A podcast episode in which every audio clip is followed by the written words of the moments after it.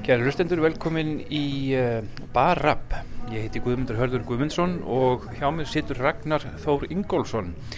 Hann er stjórnarfæður í VAF-R, uh, stjórnarfæður í Hagsmunarsamtökum heimilanna og bauður sig nýverið fram til alþingis á vegum dögunar.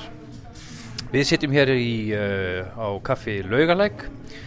og við ætlum með, meðal annars að ræða upplifun af því að bjóða sér fram til alþingis Hvað, uh, hvernig, uh, hver verða næstu skrefi í barátunni gegn verðtryggingu og svo framvegis? Hann er úr gulli þessi kálfur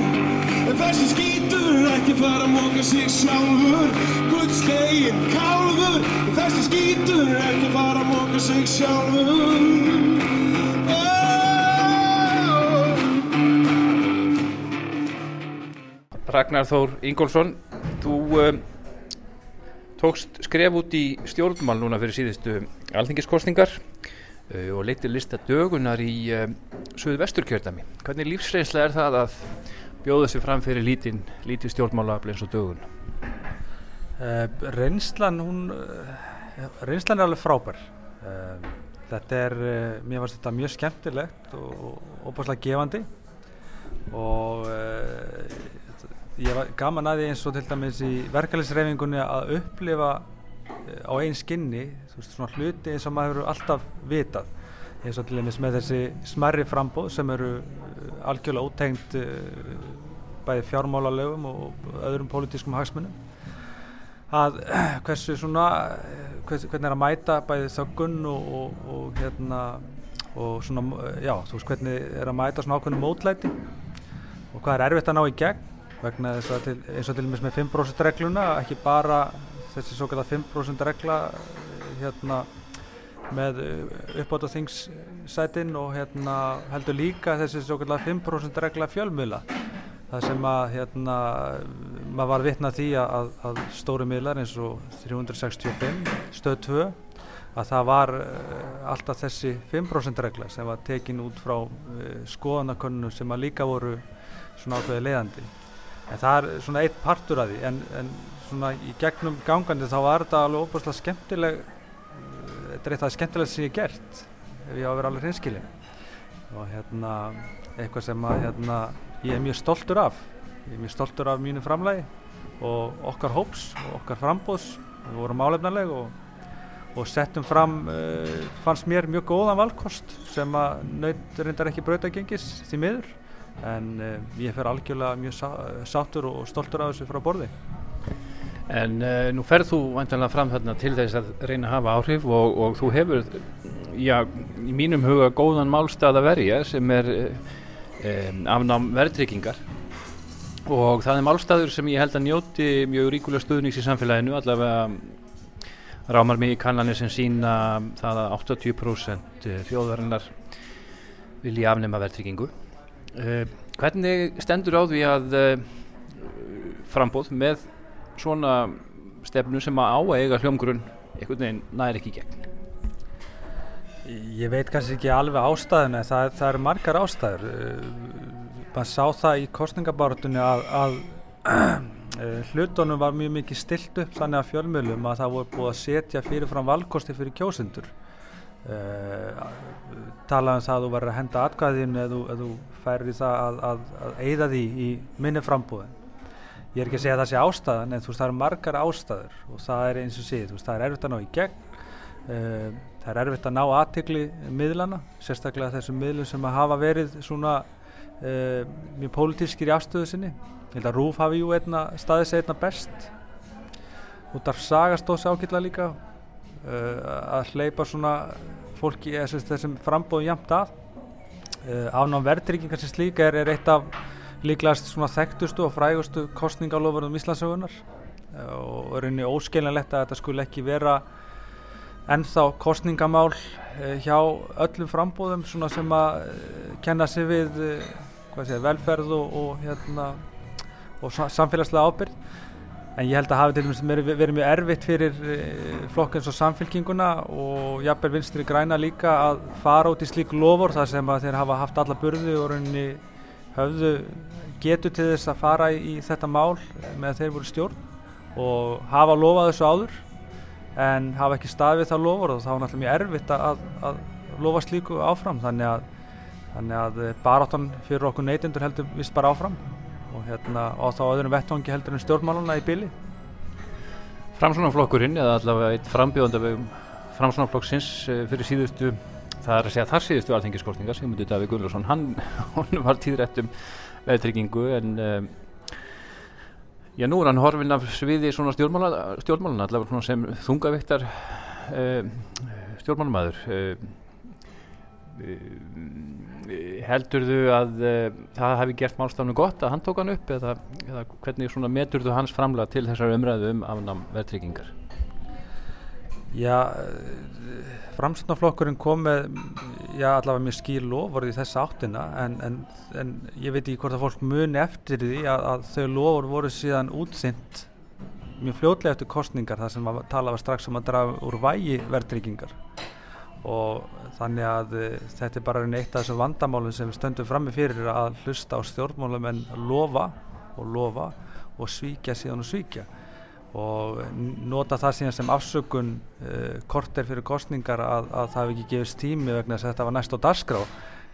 eða út af einhverju öðrum sem að kenna að hafa ekki verið hægt að fara í þessi mál er einni bara fyrirsláttur vegna þess að, að það er búið að nota allar afsökunir í heimi fyrir því að afnum ekki verðryggingu það er þekktustu sem við þekkjum hérna eru stöðuleikin að það þurfa að vera lág verðbólka og það þurfa að vera sko uh, Eh, ákveðin skilirði í þjóðfélaginu uh, til þess að þetta sé hægt. Og þau eru svo sannarlega til staða núna það er búið að vera mjög lág verðbólka og, hérna, og skilirðin sjálfs er aldrei betri heldur en ákvörðat núna að ráðast í það að gangi í þetta mál. Þetta mein á íslensku samfélagi en uh, það virðist bara ekki verið að vilja til þess og, og það hefur reyni ákveðnar ástæður fyrir því að það sé ekki pólitísku vilji fyrir að fara í afnám verðtryggingar sem er bæði pólitískur og, og, og tegið sér inn í lífyrirsöðakerfið, verkefælisreifinguna að uh, það er bara ekki vilji hjá þessum valdablokkum, þessum svona þungavægt að valdablokkum í íslenskari pólitík undanfarna áratýji til að gangi þetta mál. Það er ekki nema að komi inn öll sem að uh, tengjast ekki í lífyrirsöðakerfinu eða verkefælisreifingunni eða þessum svona, já, hægur og vinstri örmum stjórnmálana sem við höfum þekkt svona síðust áratýjin. Það hefur ekki gengið hjá anstæðingum verðtryggingar að koma sér til já, mikill áhrifa innan eh, verkefælisreifingarinn þó að þú og Vilhelmur Birgisson séu kannski svona dæmiðum enn sem sprikla og reyna en, en, en það er erfitt að, að, að, að brjóta á bakaftur þetta víi sem að virki sem að, sem að veri einhvern veginn fórustu verkefælisreifingarinnar. Já, það er, það er þessi uh, hugmyndarsmiðir stefnu reyfingarinnar innan alþjóðsambansins eru uh, mjög Evrópusinnaðir og Evrusinnaðir og uh, þeir hafa nota þessa taktík að það sé ekki hægt að afnema verðryggingu nema gangi Evrópusambandi og taka bara gjaldmið sem er uh, algjörlega galið, galið málflutningur. Og og meðal annars eh, kom Gilvi Arbjörnsson fórsetið ASI í veg fyrir það að, að verðtryggingi veri tekinn tímabunduðu sambandi í kjölfar hrunsins til þess að hlýfa heimilónum og það var lagt til en, en, en það var hann sem barðist helst gegn því. Og það var gert meðal annars til þess að verja hlut lífyrirsjóðuna að einhverju hlut eh, stöðu þeirra vegna þess að þeir eiga, eru einu stæðstu eigundur húsnæðislána á Íslandi verðtriðra og uh, eru að greiða út uh, svona einan gæsalappa verðriðan lífur eða lofur þeirra byggist á því. Þannig að uh, það er partur af vandamálunu er að, að menn treysta sér ekki í að lífyrirsjóðin geti áasta pundið sitt eða sína krónur nægilega vel án verðryggingar sem er líka ákveðin mótsögn. Og sérstaklega vegna þessa að, að egnir lífyrirsjóðuna í Íslensku hagkerfi eru um 2700 miljardar af heildaregnum sem eru kringum 3600 miljardar þá er þessi 2700 miljardar að ávustunarkrafan á innlendar eignir sjóðana sem eru í smásöluverslunum sem eru uh, húsnæðislána almennings eru 3,5% uh, verðtrygt og það er gólfið. Og þetta heldur uppi vakstastígi á Íslandi og þetta vaksta gólf sem að lífeyrisjóðin setja ef við tökum bara meðaltalsverðbólgu síðust ára að þá er krafan, ávustuna krafan á eignir, innlendar eignir lífeyrissjóðuna á Íslands hagkerfi um 200 miljardar á hverju einast ári. Og þetta er fyrir utan yðgjöldin inn í kerfið sem að uh, núna eftir hækkun yðgjölda í 15,5% Uh, miða við að launavelta fari núna næsta ári um í 13-1400 miljardar ári að þá verða yðgjöldin aftur 200 miljardar líka. Þannig að við erum að koma, við erum komið með lífyrsjóðkerfi sem er orðið eins og bara skrimsli í íslensku hagkerfi. Að það er sérst farið að slíta út úr hagkerfinu um 400 miljardar á ári hverju einasta ári á næstu árum. Og svo tala fyrir henni bara hækkandi. Þannig að uh, það er klárt mála að þetta kerfi er lungu uh, farið að vinna rauninni gegn, uh, gegn svona almennri velferð vegna þess að við, við erum einhver megin ekki að ná að halda utanum grunnþjónustu vegna þess að kerfin sem við erum með í kringum okkur þau þurfa svo mikið. Og þetta er eitt af grunn vandamálunum og þetta er það sem við höfum verið að berjast inn í verkefliðsreifingunni að fá breytt, að breyta þessari hugsun um þetta söfnuna kerfi að, að þegar við erum með kerfi þar sem við getum byggt marga spítala á ári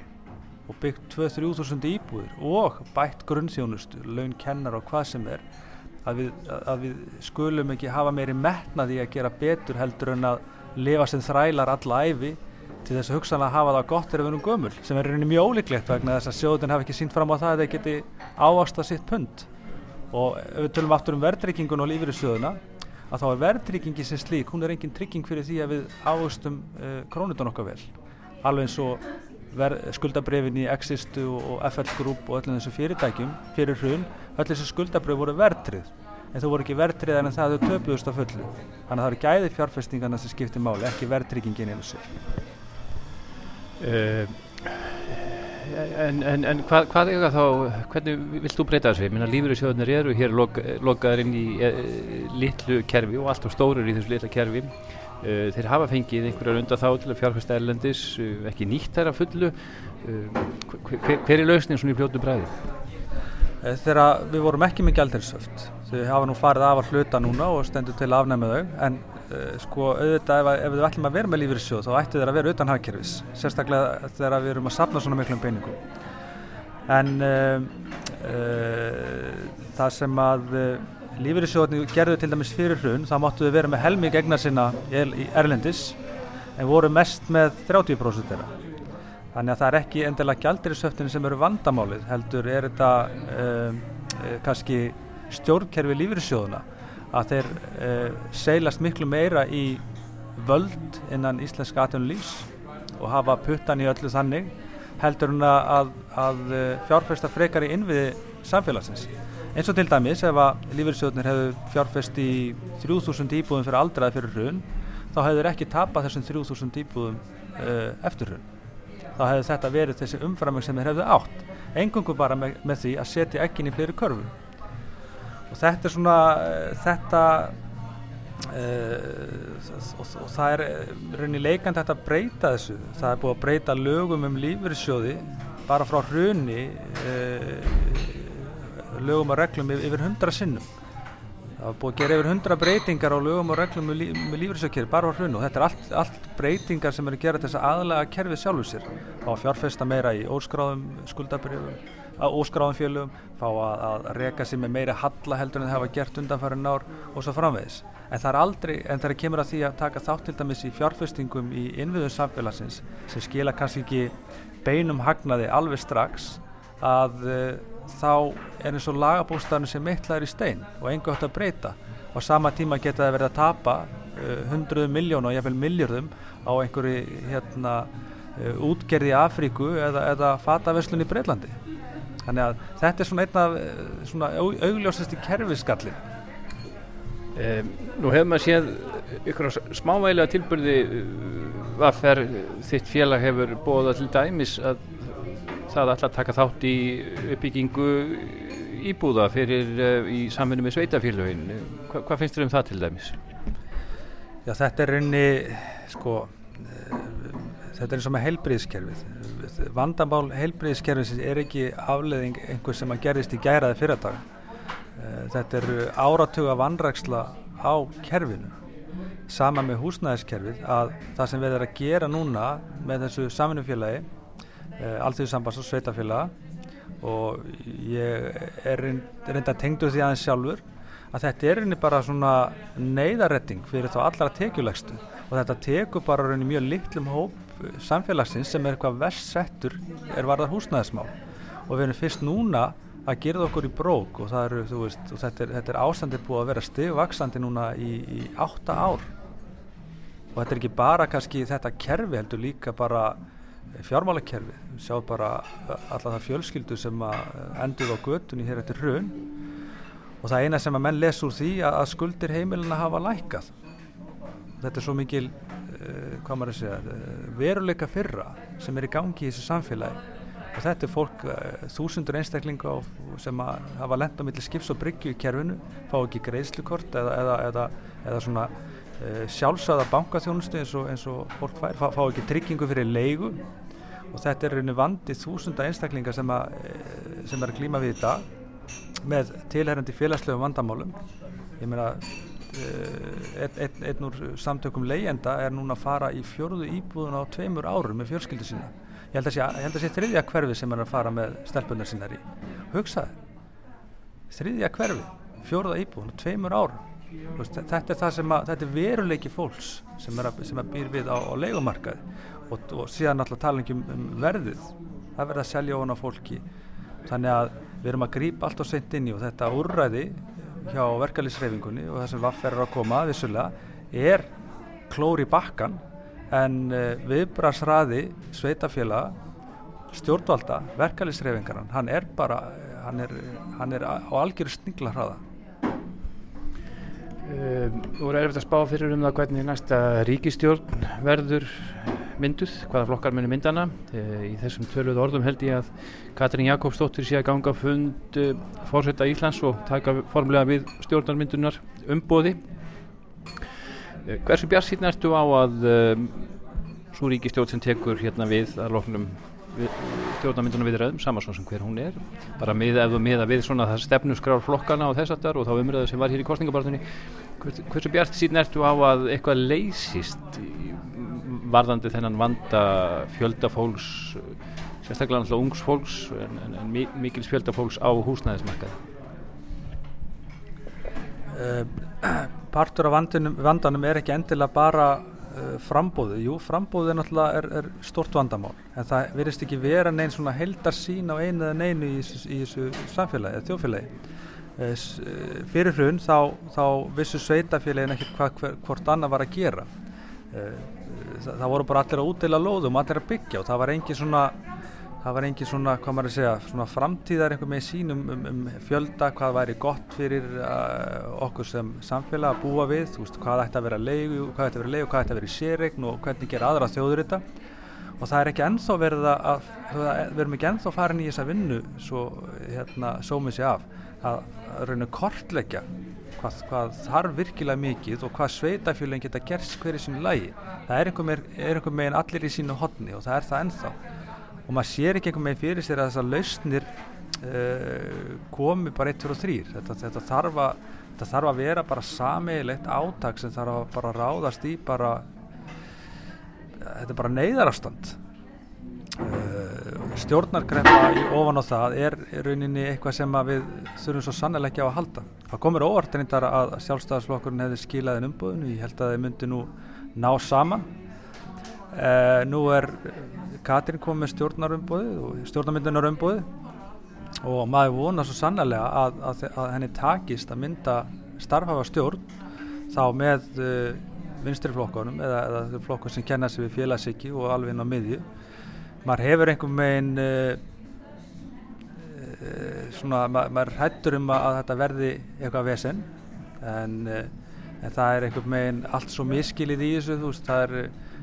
pírættar hafa komið fram og sagt að þeir séu tilbúinu til að styðja minni hlutastjórn og þá vaða allir fram og, og, og hérna, öskur á pírætta þeir vil ekki taka ábyrð og séu ómögulegir. Þegar þeir kannski eru að koma fram og reyna að leysa málinn til þess að hérna litka eitthvað til. Þannig að orðaræðin hún er opbúrslega erfið í öllu sem að saman sem er bjarta framtíð, hún fer og ræði við sjálfstæðisflokkin og hún sagði það fyrir kostningar og hún færi óbundin til, til, til kostninga og þá er óttarið mitt orðin hinn vesti hinn vesti maður. Fær yfir sig fúkur að flaumin eins og enginn sem morgundagurinn. Já, ég náttúrulega bara vona svo sannlega að, hérna, að núverandi ríkistjórn fari frá og Katarinu takist að mynda starfhæfa vinstri stjórn sem að næði þá inn á miðuna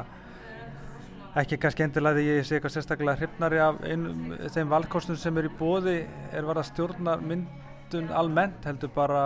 vegna þess að mér finnst að vera í eðlisinu krafa fólksins sérstaklega út af því sem að undan er gengið að, að hér veri skiptum fólk í brunni og ég held að það sé bara farsælast á lausnin. Uh, eitt sem að næsta ríkisjótt þarf að takast á við er þessi umræða hérna um saleg samkómulæðið sem að uh, mikill áróður í gangi fyrir fáar rættir á móti en, en þó heyrir, heyrir maður aðeins þessu mótmælt. Hver, hver er svona þín tilfinning fyrir þessu, þessari, þessu saleg, saleg samkómulæði sem talaður um?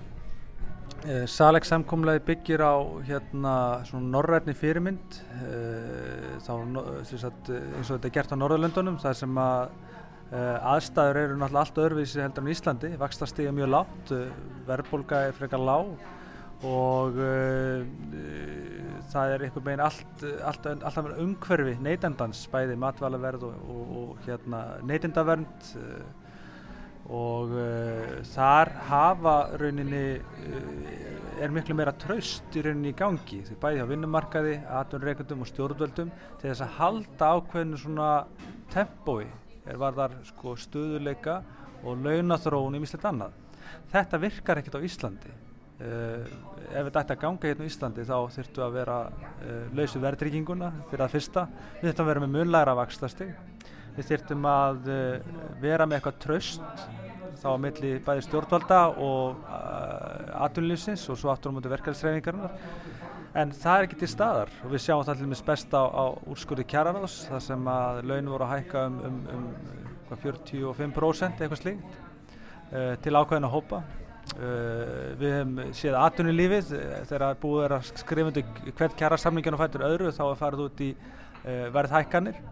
á, á nöðsynavörru og þjónustu og uh, rauninni það er enginn sem tekur þátt í þessu nema kannski verkalýðurinn sjálfur. Við höfum fundið það í vaffer að leiða við skrifum undir einhverja samninga þá erum við alltaf að taka á okkur ábyrðina. Við erum að sína hófsemina, við erum að sína uh, stöðuleikan skilir og þegar enginn aðri gera það þá er enginn fótur fyrir að vera með svona samkómula og maður spyr sér líka fyrir hverja er þetta samkómula vegna þess að bara formað vaffer uh, hækkaði sínlaunum rúm 43% á tveggja ára tímambili á meðan umbjóðundur hennar og félagar mínir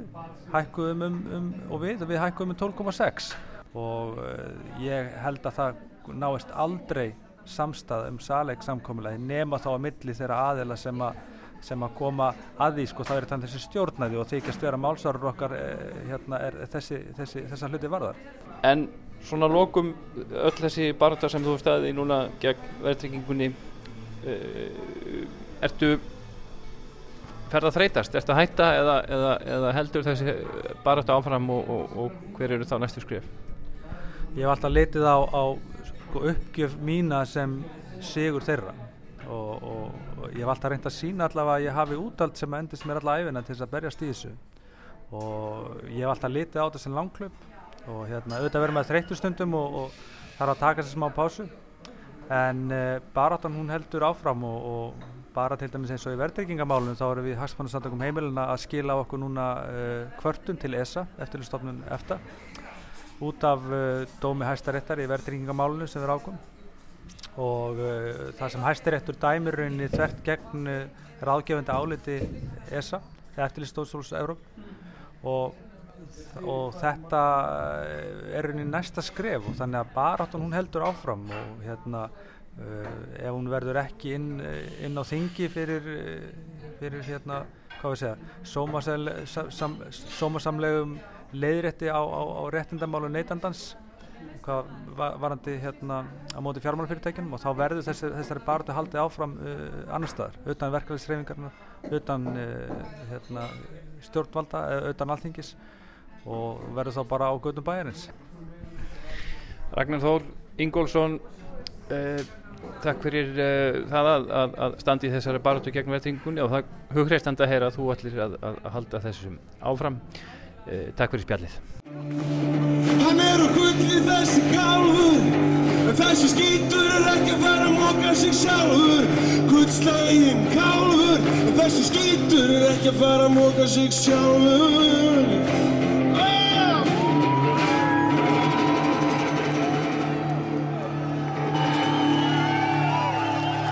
Takk fyrir